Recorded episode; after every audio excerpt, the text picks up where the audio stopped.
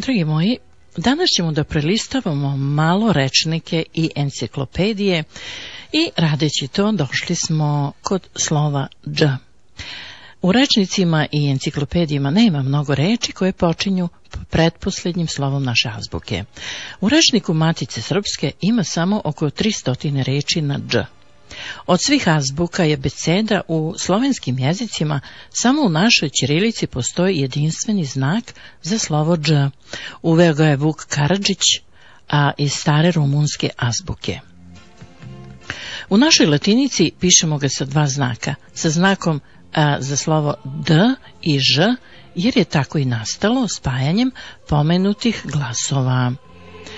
Slovo dž uglavnom počinju reči stranog porekla, naročito naši turcizmi, džuđa, džabe, džumbus, džep. Reč iz engleskog jezika džemper, džubox, iz japanskog džiuđica, džudo, iz hindu džungla, džin, iz mađarskog džak i tako dalje i tako dalje. Džez. O džezu može da se priča i priča. U najkraćem, džez je posebna vrsta muzike našeg veka koja se razvila iz svirke američkih crnaca. Od evropskih doseljenika u džez su ušle neke narodne pesme, muzika za igru i vojna muzika, a u sve njih je upleten ritam koji su crnci prisilno dovedeni u Ameriku doneli svoje postojbine iz Afrike.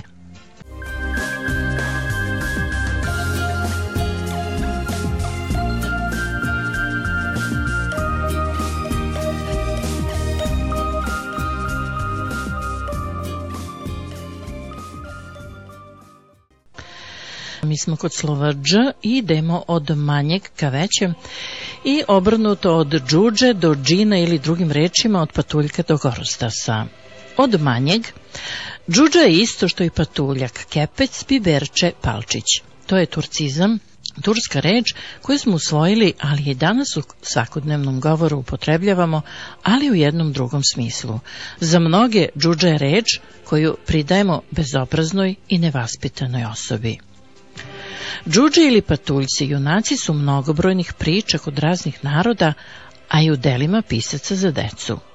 Po svim tim pričama, patuljci najviše vole da žive u šumama ili utrobama planina. I drugi bave se rudarstvom i koju najbolje oružje. U najstarim pričama džuđe, odnosno patuljci, uglavnom su starci. Prikazivani su sa dugačkom bradom i šiljatom kapom. Patuljčica i patuljčića u tim najstarim pričama nema.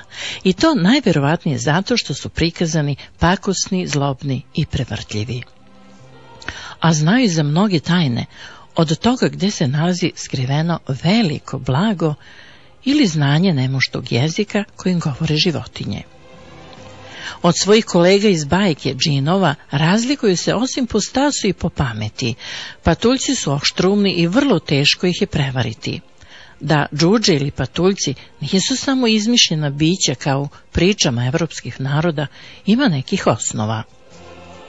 Neki naučnici tvrde da su nekada postojali davno čudi, prapreci današnjih finaca. Ti čudi Bili su malog rasta, ali vešti rudari i umeli su da tope gvožđe. Među šarolikim svetom patuljaka danas su najpoznatiji liliputanci koje je izmislio engleski pisac Jonathan Swift. Knjiga je prvi put objavljena 1726. godine i od tada je doživjela bezbroj izdanja i prevedena je na skoro sve jezike. Patuljci Jonathana Swifta visoki su do 20 cm i među njima ima i patuljčića i patuljčica. Također Jonathan Swift u Gulliverovim putovanjima izmislio i džinove koji žive u zemlji Bromdingnagu. Visoki su 60 stopa, u našim merama 18 metara, dakle kao zgrada od 5-6 spratova. A, govorili smo o džinovima, o džuđama, a, ali i divove, orjaši, gorostasi, giganti, grdosije, kolosi, golijati, titani, kipl, kiklopi, svi su oni junaci u bajkama. I zbog toga opet može da se postoji pitanje da li su nekada na našoj planeti živeli džinovi.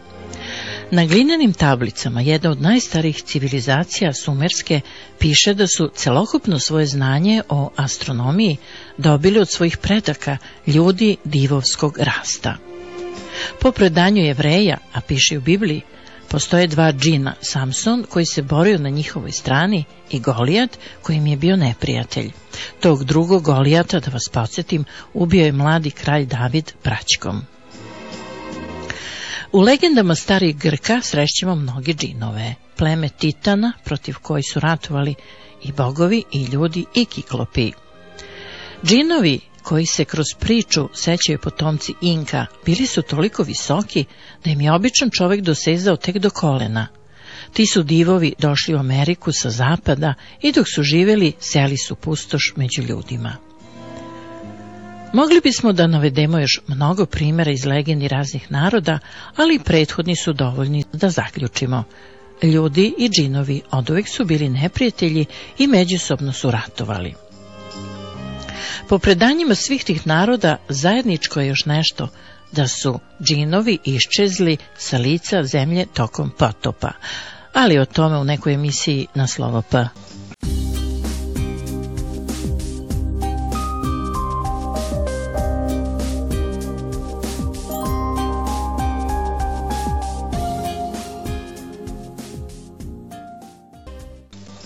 A sada idemo od e, većeg ka manjeg na slovo dž, od džaka ka džepu. Pretpostavljamo da svi znate šta je džak ili vreća i čemu služi. I zbog toga ćemo o džaku da govorimo u prenosnom smislu. Jer u džak se u svakodnevnom govoru trpa svašta od rogova do mačora. Kad se kaže slažu se ko rogovi u vreći, to znači ne slagati se, ne moći živeti zajedno ili raditi složno. Ako nekome ovo izgleda čudno, neka proba, neka složi rogove u vreći i neka ih ponese, uvek će ga bar jedan rog bosti u leđa. Kad neko, kako se to kaže, kupi mačku u džaku, to znači da je uzeo nešto, ne znajući šta je to i kako je, znači da je prevaren. Šta je neobično, što još neobično može da se nađe u džaku? Može da se nađe šilo. Izgubio se kao šilo u vreći.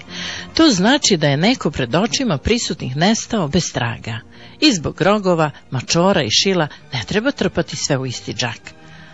A do toga dolazi kada smatramo istim ono što je ipak različito, pa tako kasnije može da dođe do nesporazuma. Tako, na primjer, igrači futbolskih timova ponašaju se slično i mnogi ih trpaju istu vreću.